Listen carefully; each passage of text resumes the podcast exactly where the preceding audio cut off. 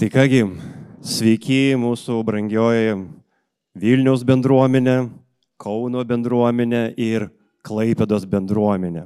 Kaip gera, kad mes esam trijuose miestuose, tokie skirtingi, tokie tiesiog žmogiški. Ir šiandien susirinkom dėl kažkokio vieno bendro tikslo - pabūti kartu, labiau pažinti mūsų viešpatį pasiklausyti Dievo žodžio, kartu pašlovinti jį.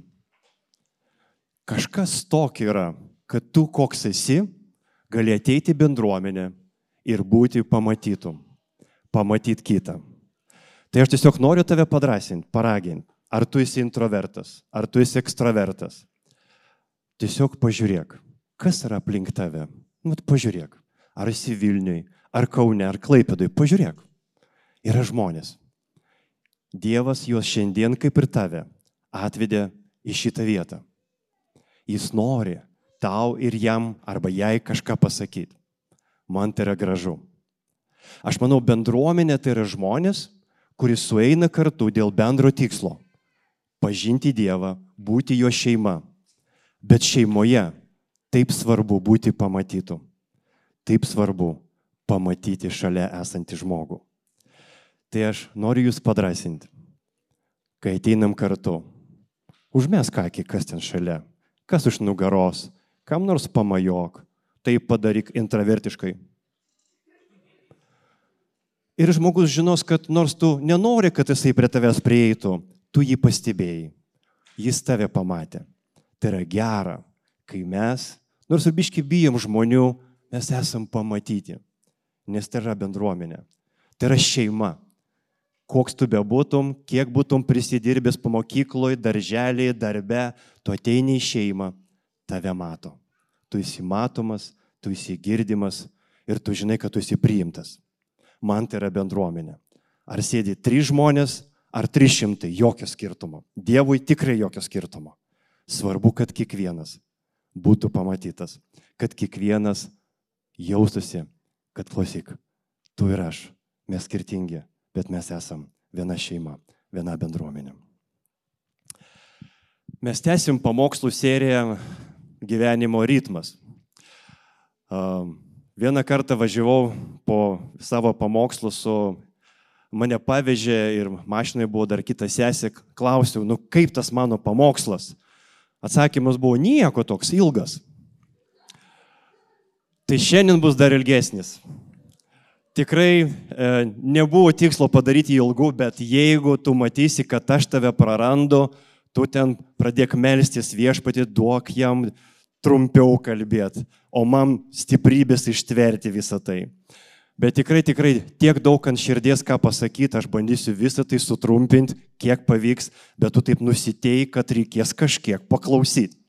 Nes kaip be to. Taigi, šiandien mes kalbam apie gyvenimo ritmus, bet norėčiau pradėti trupučiuką iš toliau. Ir pradėti nuo to, kad tu ir aš, mes iš Dievo turim labai įdomią dovaną. Nu tikrai įdomią. Vadinasi, laisva valia. Brangiai, daryk, ką nori. Nu kas kitaip yra laisva valia? Šiaip tai keišiau, viena keišiausių dovanų, ką, gavim, ką gavom iš Dievo. Laisva valia.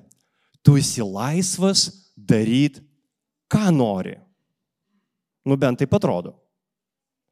Ir iš tikrųjų atrodo paprastai, bet nėra taip paprasta. Nes laisva valia reiškia, kad tu ir aš mes turim pasirinkimą.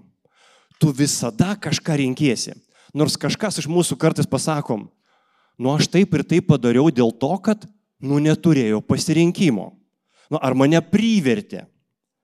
Iš tiesų, tai ne visai tiesa mes visada turim pasirinkimą. Visada. Net kai tau atrodo, tu neturi pasirinkimo, tu jį turi.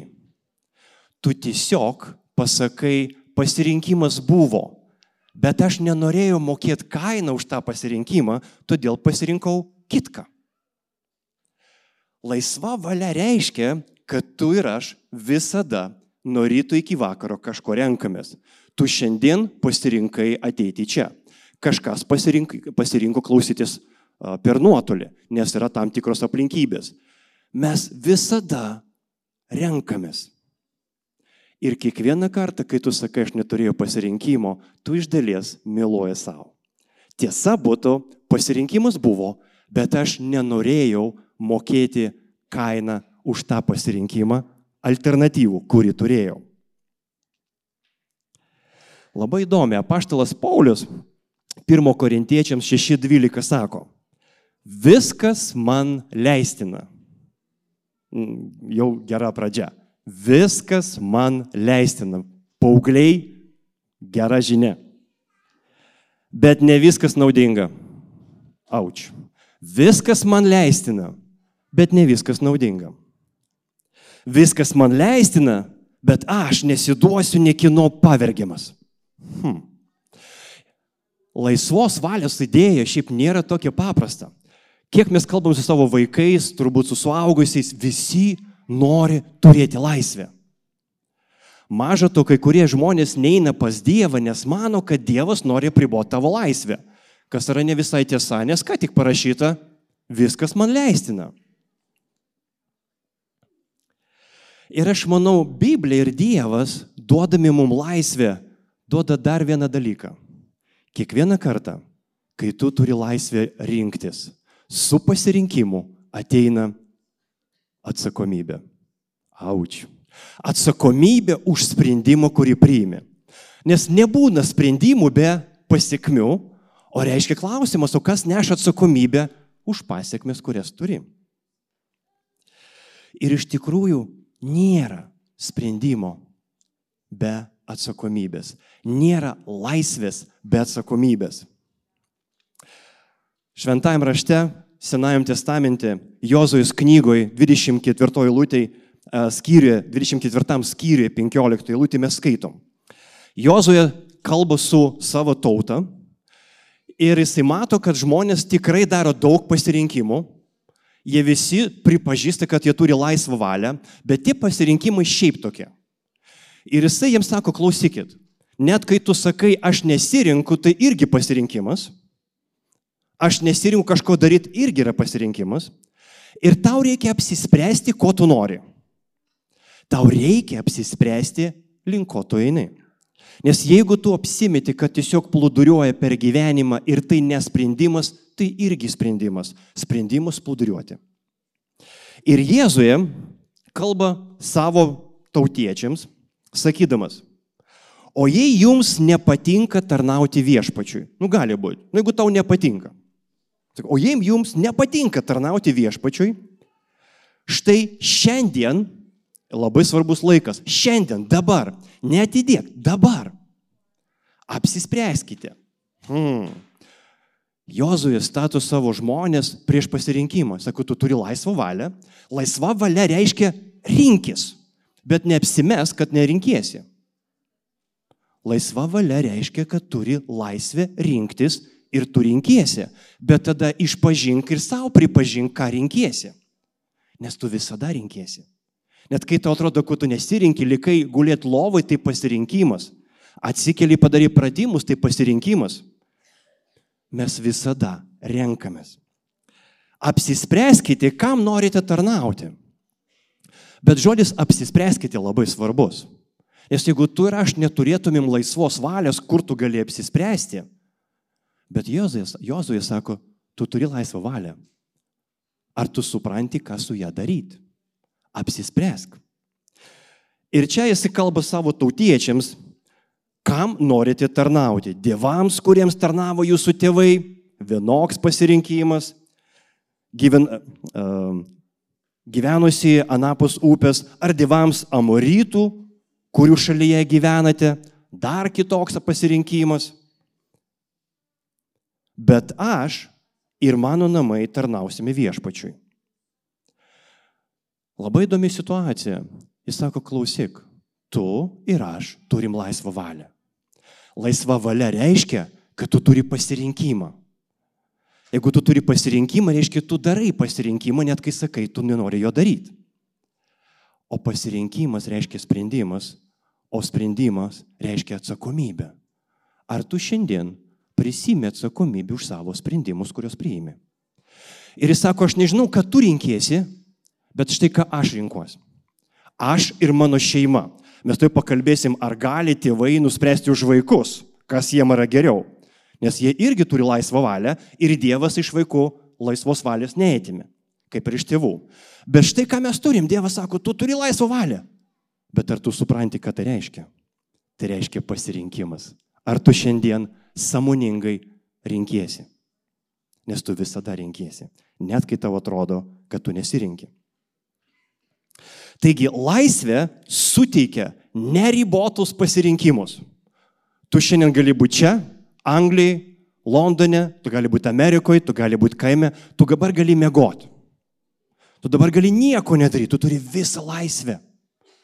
Todėl gebėjimas rinktis teisingus dalykus tampa įtin svarbus. Nes jeigu tu turi laisvę rinktis beleką, tu ir gali pasirinkti beleką. O kai pasirinki beleką, beleką turi. Ir jeigu tau tavo beleka nepatinka, pasižiūrėk, kokį sprendimą tu darėjai, kuris privedė prie tavo beleka. Nes tavo beleka nėra atsitiktinumas. Tai yra tavo laisvos valios padarytas apsisprendimo pasiekmė. Nors mums taip netrodo. Nes mums kur kas fainiau numesti atsakomybę ant aplinkos, ant Dievo, dar kitur. Bet Dievas sako, aš tau daviau laisvą valią. Tai yra tavo sprendimai. Ir tai yra tavo pasiekmes. Ar tu moki naudotis savo laisvą valią? Na, mes jau paskaitėm, kad Jozuė priėmė sprendimą už save ir savo namus. Skamba taip gražiai, bet iš karto vaikai sako, pala, pala, o kodėl čia mano tėtis už mane sprendžia? Vaikai, ar ne taip, ne? Vaikai rytoj eisim į mokyklą. Tu eisi, tu ir tu, o aš ir tu eisi. Nu kažkaip, nu tai jie, o aš galiu neįti? Ne. Ar galiu? Ir iš tikrųjų tėvams yra daugybė iššūkių. Ar vaikai turi laisvą valią ir iki kada ir iki kiek? Ir kur jų laisvos valios rybos? Nes jeigu Dievas visiems davė laisvą valią, klausimas tėvams, kur aš ir kiek galiu ją riboti. Nes aš tai noriu, kad jiem gerai sektųsi. O aš žinau, dar nebrandus. Nu kokį sprendimą priims, ne? Ar man to reikia? Todėl aš bandysiu laisvą valią iš jų biški taip atimti. Nu kol nesubrės. Jiem atrodo, kad jau subrendo, mums dar ne. Įdomu, kaip Dievui atrodo, kai aš darau pasirinkimus, ar jau subrendau ar ne. Patarlė, patarlėse mes skaitom 22 patarliai šeštą, šeštą eilutę. Čia kreipiasi raštas į tėvus. Bet visi, kas čia esat, anksčiau ir vėliau kažkokią formą busit arba tėtis, mama, arba dėdė, teta, nu ir tau bus. Tai parašyta, parodyk vaikui kelią, brangusis, iš visų pasirinkimų šitas yra geresnis tau, kuriuos jis kuriuo jis turi eiti. Parodyk jam kelią. Tai ir pasenęs vaikai irgi pasensit. Jis nenukryps nuo jo. Bet pasenęs jau dar vis dar tėtis jam rodys kelią. Nu jau ne. Tėtis jau nieko neberodys niekam, kai vaikai pasens. Matyt, tas ta išmintis, kuri bus su mumis iš vaikystės, kai mes jau busim paaugę ir turėsim 120 procentinį laisvę rinktis, ką tik norim, kai tu esi senelis, esi senjoras, nu kas tau pasakys, ko negali daryti. Tu jau viską gali daryti. Tik ar tau to reikia? Ir mes skaitom, kad net ir pasenės darys teisingus pasirinkimus. Tai ką mes suprantam, kad Dievas tau ir man davė laisvą valią, kuri reiškia daryk, ką nori. Jau gera žinia. Daryk, ką nori. Bet taip pat sako, kai darai, ką nori, negali nesigauti kaip nori. Kad iš visų pasirinkimų yra geresnių nei kitų. Ir su pasirinkimu ateina atsakomybė, nes bus pasiekmes. Hmm. Nu, ta laisva valia nėra taip paprasta. Netrodo, nu duok, imu, naudoju. Ne, čia dar kažkokios sąlygos yra. Bet čia nesąlygos. tiesiog mes suprantam su atsakomybė, atsiprašau, su laisvė ateina atsakomybė už pasiekmes. Nes pasiekmes visada bus. Žinot, kokios problemos su pasiekmėm? Jos būna ne iš karto. Ir tai yra bėda. Nes jeigu būtų iš karto, aš jau būčiau nustojęs šį beitą daryti. Ir vad mes kaip tėvai, čia dabar kreipiuosi į mus kaip tėvus, bet ir į vaikus, kad jūs mūsų suprastumėt. Mes turim dilemą. Kaip turbūt ir Dievas turi dilemą su mumis. Duodam šitiem žmonėm, nes mes esame jo vaikai, laisvą valią ir supranti, kad jie nemoka ją naudotis. Ir darys su ją beleką. Gal atimti, gal apribot, bet tada kokia čia laisva valia? Nes jeigu jie neišmoks naudotis laisva valia, tai kaip jie gyvens? Taip ir mes kaip tėvai, mūsų aukščiausias tikslas, kad mūsų vaikams gerai sektųsi. Jiem taip netrodo. Nu, jeigu tėvai čipsų neduoda, ar čia gerai man sekasi ar ne? Neduodu telefono, kiek noriu, ar čia gerai man sekasi ar ne? Jausmas nekoks. Tie tėvai nesupranta, kad čia mano fiziologinis poreikis. Beveik jau dabar. Bet mes kaip tėvai norim, kad vaikams gerai sektųsi, todėl mes kaip tėvai imam formuoti gerus įpročius. Mes padedam jiems suformuoti gerus įpročius. O kas yra geras įprotis? Geras įprotis tai yra besikartojantis veiksmas, kuris turi mums naudingą kaupiamąją efektą. Skamba taip keistai. Bet iš esmės įprotis tai yra kažkas, kad tu darai savo pasirinkimu. Aš turiu laisvą valią nevalyti dantų, bet rinkuosi valyti. Aš turiu laisvą valią neiti bažnyčią, bet rinkuosi eiti. Vieną kartą, antrą kartą. Aš turiu visą laisvę nežiūrėti telefoną visą dieną, bet rinkuosi žiūrėti. Tačiau mums kaip tėvams yra pasirinkimas ir dilema, o kaip suformuoti tam vaikui teisingą įprotį, kad jisai, turėdamas laisvą valią, darytų teisingus sprendimus, kurie turėtų tam vaikui geras pasiekmes. Mesgi nieko kito nenorim. Ir mes turim dilemą, ar versti, ar neversti. Nu dabar į bažnyčią tą vaiką versti eiti ar neversti. Kai jam penki metai versti ar neversti. Kai jam šešiolika versti į bažnyčią eiti ar neversti. Kai jam trim penki ir su manim vis dar gyvena ar versti eiti į bažnyčią ar neversti. Ar iš namų išvaryti, kad išmoktų gyventi. Mes kaip tėvai turim dilemą, ar versti ar neversti. Patikėkit, mūsų tėvas danguje, žiūrint į mus kaip į savo vaikus, irgi turi tą dilemą, ar versti ar neversti.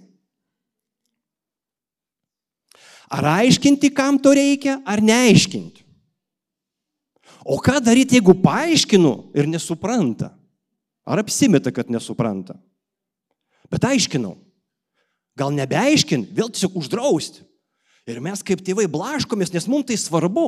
Mes norim, kad vaikui gerai sektųsi, reiškia, jis turi išmokti daryti gerus sprendimus, gerus įpročius. Gal reikia tiesiog suformuoti gerą įprotį geležinę ranką. Kaip rašte parašyta, vaikystėje privers, kad kalbų senelis nepaleistų to kelio. O ką man daryti, jeigu vaikas ne tik tai tiesiog renkasi kažką, bet renkasi tai, kas jam žalinga. Ką man daryti kaip tėčiui? Ar versti, ar neversti, ar drausti, ar nedrausti? Ar leisti nukristi iki dugno ir toliau kasti, kol neužsikas? Ar kažką kitką daryti? Ar man sakys, užstot krūtinę neleisiu? Ką daryti? Kiek laisvės suteikti tam, kuris visiškai nemoka ją naudotis.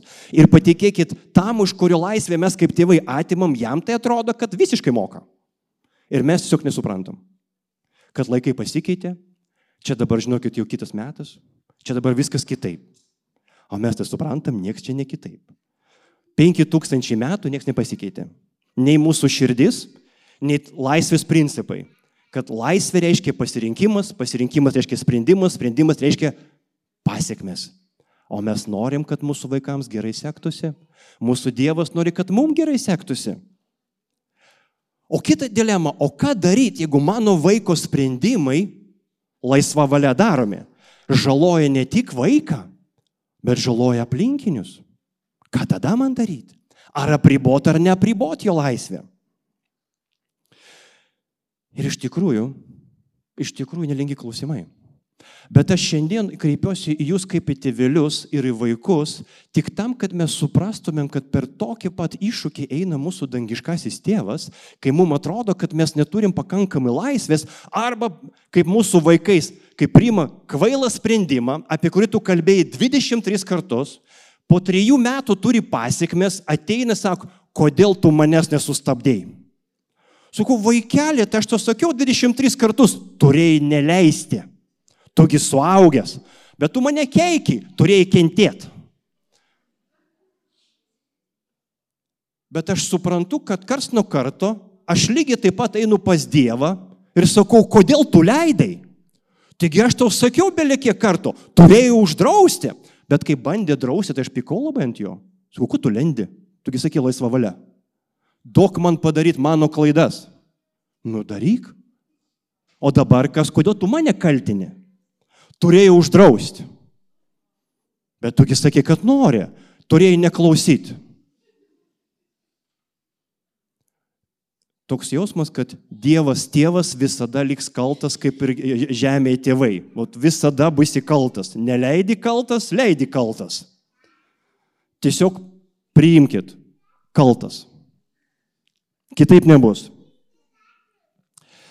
Vienam kino filme buvo tokia scena, gaujos vadas, jie ten pagrobė nemažai pinigų ir jam dabar reikia pinigus išdalinti ant visų.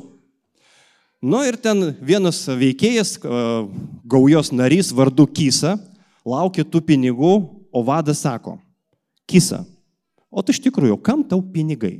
Tugi neturi fantazijos. Ir kalbant apie laisvę, galim taip trupučiuką išvartyti, o kam tau laisvė? tugi nežinai, ką su ją daryti. Net tau atrodo, kad tu žinai, ką su ją daryti. Tau tik nepatinka pasiekmes to, ką tu pridarai. Bet ar tu supranti, kad laisvė ateina su atsakomybė? Tu negali prašyti laisvės ir negauti atsakomybės. Vaikai, tu negali iš savo mamos, tėčio prašyti daugiau įgaliojimų, daugiau laisvės ir kad nepareitų su atsakomybė. Taip nebūna. Čia kaip šampūnas du viename. Visada eina kartu atskirti neįmanoma. Bandžiau.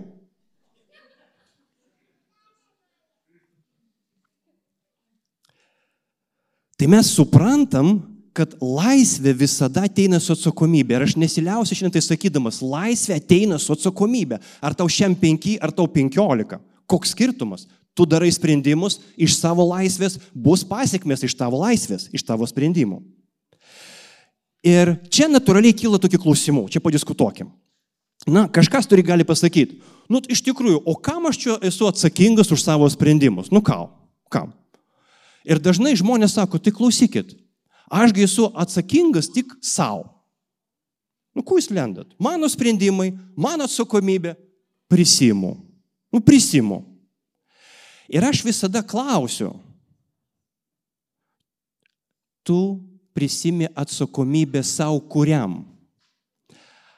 Ar tu esi atsakingas savo tas, kuris dabar, ar tu esi atsakingas savo tas, kuris po penkių metų? Ar gali būti, kad tu po penkių metų, žiūrėdamas į save dabar, sakytum, nedaryk, negadink man gyvenimo po penkių metų? Nu ar gali būti? Kad tu po penkių metų savo dabartiniam sakytum, nedaryk. Kvailas sprendimas. Aš jau dabar ten, blogai. Tai tu neši atsakomybę prieš save, bet aš ir esu tu. Prieš mane atsakyk, nedaryk to. Nevartok, neik su juo, su ją, neik. Neik, tu žinai, kad nereikia eiti, neik. Taip, jeigu tu nori būti atsakingas, atsakinga tik prieš save, būk bet ne prieš dabartinį, o prieš save po penkių metų. Ar tavo tu po penkių metų šia, pritartų tavo sprendimui šiandien? Jeigu sakytų, va, daryk, man čia po penkių metų bus dar geriau. Arba sakysi, tu liaukės, o tu supranti, ką darai. Nu tu gal svetimų negirdi, tu gal draugių negirdi, draugų, tėvų, močiučių negirdi. Tu save paklausyk po penkių metų, jis tau sako jau, ar jinai, nedaryk, nebus gerai. Paklausyk. Nešk tą atsakomybę prieš save, bet po penkių metų.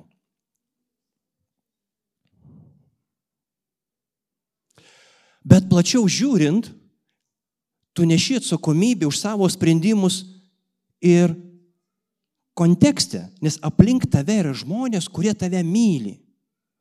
A tu supranti, kai tau skauda, jiem irgi skauda. Jiems skauda. Jeigu tu turi brangų draugą, draugę, kolegą, pažįstamą, giminaitį, tugi žinai, kai jie daro nesąmonės, tau irgi skauda. Tau skauda, nes tau rūpi.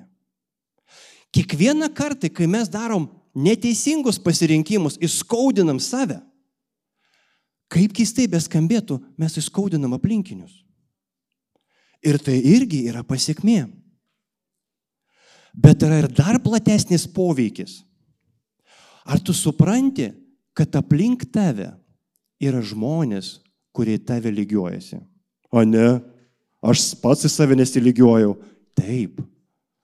Kažkam tu esi įtaka. Tai gali būti tavo brolis, tavo sesė, tai gali būti tavo klasiokai, tu gal net tai nesuvoki to. Bet jie darydami nesąmonės mokyklos tualete pagalvoja įdomu, ar Maryti tą padarytų ir tu vis vien kažkur tai galvojasi kaip atspirties taškas. Ir jeigu jie pamatys, kad tu tame tolėte irgi tą patį darys, sakys, a, nu jeigu Maryti daro, tai man irgi galima. Ir jiems šansų nebėra. Jiems nebėra šansų net į ką dabar pasilygiuoti, nes visi tai daro. Ar tu supranti, kad tu kažkam esi pavyzdys? Tu gal taip nematai, bet taip yra. Iš kur aš žinau? Kažkas iš jūsų, ar atsimenu situaciją, kai tavo bendradarbės, kolega pažįstamas, išvyko gyventi į užsienį ir iš ten pradėjo rašyti, kaip ten gera, o čia ne. Ir kaip tu jautiesi tuo momentu? A. Paliktas. B. Čia dabar viskas blogai. Ir tu smunki, smunki, patoini per pyktį, patoini dar per kažką. Ir tu supranti, kad to žmogaus veiksmai tau nepadeda. Ir ta žmogus net nežino, bet turi tau poveikį. Tu su juo bendrauji net galvoje, kai jo nėra. Tu turi poveikį žmonėm aplink save. Ir todėl atsakomybė, kurią Dievas mums uždeda, yra kažkiek ir prieš kitus. Bet suprask, aš nenoriu pasakyti, kad tu nuo dabar priimk sprendimus tik tai tenkindamas kitų lūkesčius ir norus. Čia ne apie tai. Čia apie atsakomybę. Kad kiekvieną kartą, kai aš priimu sprendimą, aš turiu atsakomybę visų pirma prieš save po penkių metų ir aš po penkių metų turiu pritarti savo sprendimui. Ir jeigu tu savo nepritari po penkių metų, nu tas tu dabartiniam sprendimui, nedaryk. Nedaryk. Tu pats savo esi geriausias teisėjas ir išminčius. Ir jeigu tu pagalvok įdomu, o kai aš tai padarysiu, ko, ka, kaip tai paveiks kitus? Nu ne tam, kad jie įtikti, bet tiesiog pabandyk suvokti. Ir jeigu tau atrodo, tai gali juos įskaudinti, nesakau, kad jie nusimins, nu žmonės dėl dėl ko nors nusimina. Bet jeigu tai juos įskaudins, tiesiog paklaus save, o kaip kitaip aš galiu tai padaryti. Ne tam, kad jie įtikti, bet tam, kad prisimti atsakomybę už tą laisvę. Taigi duodu tau du klausimus, gal trys, kurie man gyvenime be galo padėjo daryti geresnius sprendimus, dėl kurių vėliau nereikėjo gailėtis. Nes laisva valia reiškia, kad daryt, daryt beleką. Bent kokią nesąmonę, kuri tik išaustau į galvą, gali daryti. Daryk. Bet pasiekmes bus irgi tavo. Negali atskirti savo veiksmų nuo pasiekmių. Taigi, klausimai. Pirmas. Ar aš po penkių metų pritariu savo sprendimui dabar? Jeigu šitą testą praeini, nes sugebi kartais save įtikinti, aš kaip sakau, kuo žmogus protingesnis, tu lengviau save apgauna. Tada iš karto jung antrą klausimą. Jeigu mane mylinti žmonės pamatytų mane tai darant, ar jie pritartų. Ir vot jau ruošiesi tai daryti ir įsivaizduok, jie stovi šalia. Ir jų reakcija. Ir jeigu tavo, o, o, ką jis čia veiks, nenori aš jų čia matyti. Gal trečias pakelis čipsų ir nėra gerai. Pirmas dar buvo nieko, trečiojo sunku pateisinti. Arba penktas alaus bakalas. Arba saitas, į kurį aš dabar einu, jeigu mano dukrytis su manim tai žiūrėtų, ar aš būčiau ok. O jeigu mano vyro žmona su manim visą tai žiūrėtų, ar aš būčiau ok. Ir jeigu man tai būtų ne ok, galbūt bus pasiekmes, kurios tau nepatiks. Ar mane mylinti žmonės, jeigu jie dabar darytų tai su manim, šalia būdami, ar jie tam pritartų? Ir jeigu tavo atsakymas ne, nedaryk. Nedaryk. Laisva valia pasirink to nedaryti savo laisvą valią pasirinkto nedaryti. Ir trečias klausimas. Viską, kad aš žinau apie Dievą ir apie gyvenimą. Jeigu tau 9 metai, nu tiek tie žinai. Jeigu tam 99, irgi kažkiek žinai. Bet kiek aš žinau apie Dievą ir apie gyvenimą? Koks būtų išmintingiausias sprendimas šitoj situacijoje? Tai yra klausimas. Tu klausi save. Žinant, ką žinau apie gyvenimą ir apie Dievą, koks būtų išmintingiausias sprendimas šitam kontekste? Ir tu nustepsi, kad beveik visada gauni atsakymą. Nes tu jį žinai. Nes tu jį žinai. Ir jeigu tu savo užduosi šitos trys klausimus, tu paklausi save po penkių metų, ką tu galvoji apie mano dabartinį sprendimą, Tu paklausė mano mylimi žmonės, kurie mane myli nuo širdžiai, šalia būdami pritartų, nepritartų. Ir ką tu žinai apie gyvenimą ir Dievą, koks būtų išmintingiausias sprendimas čia ir dabar, tu nustepsi, kad laisva valia tu galėsi priimti kur kas geresnius sprendimus, negu iki šiol darėjai. O svarbiausia, tavo gyvenimas ateityje bus kur kas fainesnis. Bet žiūrėkit, su ta laisva valia pas mus kažkaip įdomiai. Ką aš pastebėjau apie mus, apie tave ir save. Jeigu aš leisiu savo laisva valia daryti, ką tik noriu, aš save nuvarysiu į grabą. Aš nemoku to paaiškinti. Jeigu tu leisi savo daryti, ką tik nori, be apribojimų, nuimi visus socialinius, emocinius, moralinius apribojimus, ko širdelė geidžia, tą darau, be saiko.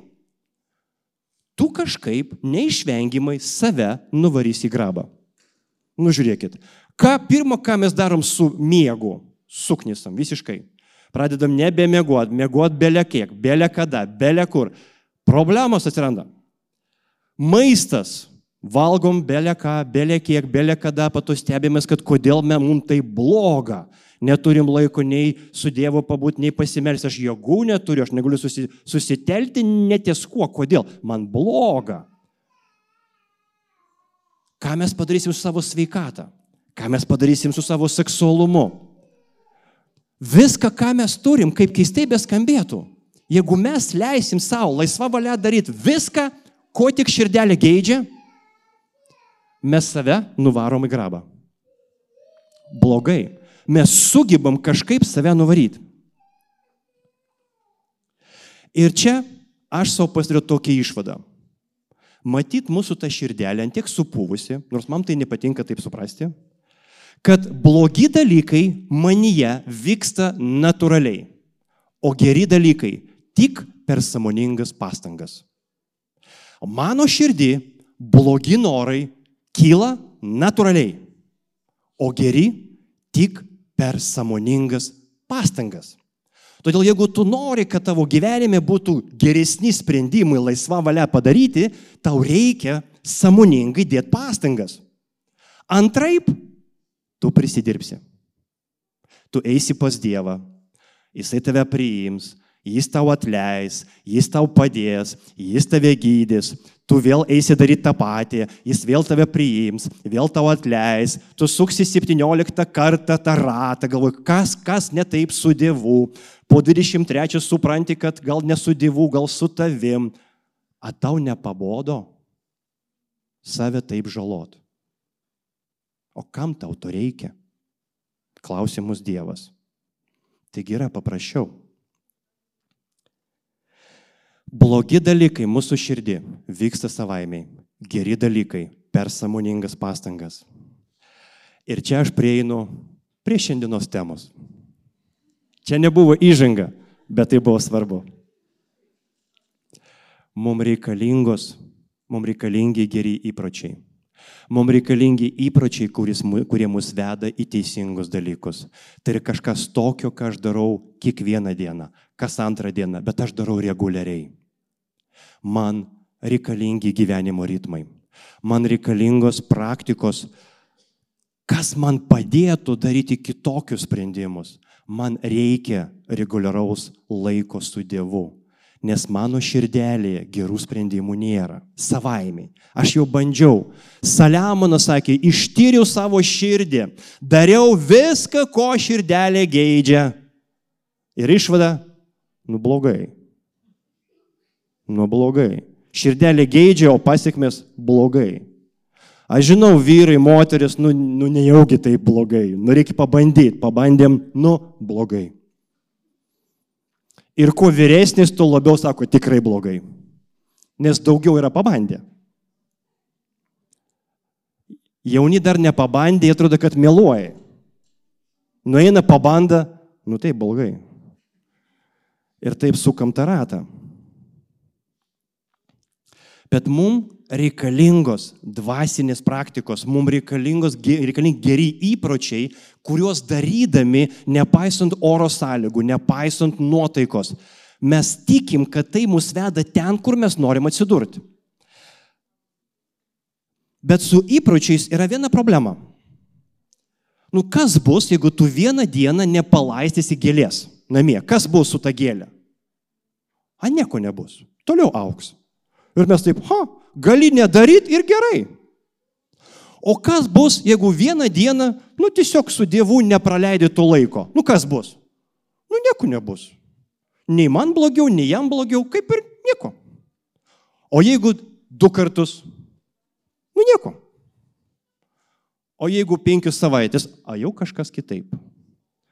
Gėlė jau nuvyto, santykių su Dievu nebeturiu, pasižiūri sprendimus, kuriuos pradedu daryti, im, im, imu daryti, suprantu, kad jau darau nesąmonės, bet jėgų nėra nedaryti. Ir staigių pasiekmių už mūsų nesąmoningų sprendimų nebuvimas mus žiauri apgauna. Nu, gali neskaityti, gali neiti į bažnyčią, gali su Dievu nebendrauti ir nieko nėra. Žiūrėk, va šiandien nepasimeldžiau ir nei ką blogiau negu tau, kuris pasimeldė. Ir mums toptelėjo mintis, apgauna, apgauna, nebūtina, kol nepraeina pusę metų. Ir staiga tu supranti, kad kažkas netaip tavo gyvenimu. Kad tavo laivas jau nukrypo, bet tau dar neaišku. Arba kas bus, jeigu tu vieną kartą paskaitysi Bibliją? Nieko. O jeigu tu vieną kartą pasimelsi? Na nieko. O jeigu tu vieną kartą į bažnyčią nuėjai? Du kartus. Ir kas bus? A nieko. Ir tada mums ateina kita iliuzija. Klausyk, gali čia daryti tos teisingus kažkokius, nu, gyvenimo ritmus, dariau du kartus, nieks nepagerėjo. Ateina žmogus pas šeimos gydytoją, sako, gydytojas sako, prastas tas jūsų gydimas. Sako, kodėl? Pridaviau kraują, o man nepagerėjo. Nuėjau į bažnyčią, nieks nepasikeitė ir mes suprantam, kad mes nesuprantam, kad viskas turi kaupiamą efektą. Geri įpročiai, kuriuos tėvai norėjo mums vaikystėje skiepyti, tikėdami, kad kai užauksim, nepamesim to kelio. Ir apie tai ir yra, kad tu po truputį, po truputį, kiekvieną kartą, kiek sugebi, nepameti. Dedi pastangas, Dėdy pastangas. Einau į pabaigą jau, paskutinį istoriją. Prieš daug metų kažkada sužinojau mūsų pastorius Saulės istorijas, apie tai pasakoju, galiu galbūt trumpai pasidalinti, bet aš labiau prie įpročių. Jis paminėjo, turbūt atsiminat, kad kažkada buvo laikas, kai jisai net negalėjo paeiti daugiau negu vieną kilometrą. Jeigu jisai eidavo su šeimina per uh, muziejų, po kokios geros, geros valandos arba greičiau, jį jau reikėjo vežti su vežimėliu, nes jo keliai net laikydavo. Didelis skausmai, nieko negali padaryti. Ir tada jisai nusprendė po truputį kiekvieną dieną bėgioti. Po, pir, po pirmo bėgimo situacija nepagerėjo, pablogėjo. Po antro pablogėjo, po trečio pablogėjo, po ketvirto nesikeičia, skauda keliai. Bet po mėnesio, po dviejų situacija ėmė gerėti. Atsukam trupučiuką į priekį, neatsimenu, kiek praėjo laiko, gal jau 2-3 metai, jisai nubėgo pirmą pusmaratonį 24 km. Kai kurie iš mūsų ir aš tame tarpe ne visada gebam su dviračiu nuvažiuoti. Žmogus, kuris nepaėjo pusę kilometro, nubėgo pusmaratonį. Dar po metų jisai nesiliaudavo, kiekvieną dieną atsikeldavo, nesvarbu kokie arai, nesvarbu kas kokia nuotaika, jisai išeidavo ir bėgdavo. Po metų jisai nubėgo maratoną, 40 keli kilometrai, kiem keturi berodas. Ir tada dar po kažkiek laikos nubėgau ultramaratono 100 arba 800 keli kilometrai. Neįsivaizduoju, kaip galima tai nubėgti, bet čia ne apie tai. Aš manau, mūsų dvasiniai kelioniai su Dievu. Kai kas iš jūsų ir, ir iš mūsų, mes norim turėti jėgų bent 5 km nubėgti. Kai kas iš mūsų turim iššūkį, kad iš vis Bibliją atverti, ne, nei noro, nei laiko, nei galimybių. Ir va čia aš noriu jūs padrasinti. Tu turi laisvą valią. Jeigu tu leisi savo tik tai daryti tai, ko tu nori, galimai tu rinksis ne tai, ko tau reikia. O geri pasirinkimai reikalauja pastangas. Ir aš noriu tave padrasinti. Pradėk nuo paprastų mažų dalykų. Pradėk skaityti raštą kiek laiko, nu kiek sugebi, minutė, dvi, trys, bet reguliariai. Ir kai tu pajausi, kad trupučiu, kad tavo dvasiniai raumenukai auga, praplėsk. Praplėsk. Nereikia kaip sporto salė, kartą per metus atėjai, pavariai 3 valandas, po to savaitę guli. Nereikia. Bet pradėk. Nes mes kalbam apie gyvenimo ritmus. Mes kalbam apie teisingus pasirinkimus. Ne vieną didelį teisingą pasirinkimą, o mažus, kiekvieną dieną, reguliariai, kuri veda į gyvybę, kuri veda į artimesnį santykių su Dievu, kuri veda į tavo geresnį gyvenimą, į tavo gilesnį džiaugsmą. Ir pabaigai paskutinė eilutė iš rašto. Galatams 5.13. Iš tiesų, broliai ir sesės, jūs esate pašaukti laisvėjai. Iš tiesų, sesės ir broliai, jūs esate pašaukti laisviai.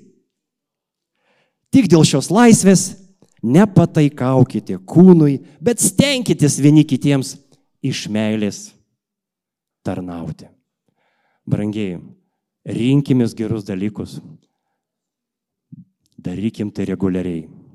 Šaukimės Dievo pagalbos, nes Jisai kaip mylintis tėvas nori tau padėti suformuoti teisingus įpročius, kad po penkių metų tu būtum be galo dėkingas savo dabartiniam. Palenkim galvą. Mūsų viešpatį tau dėkojom už tai, kad tu kaip tėvas mus be galo myli.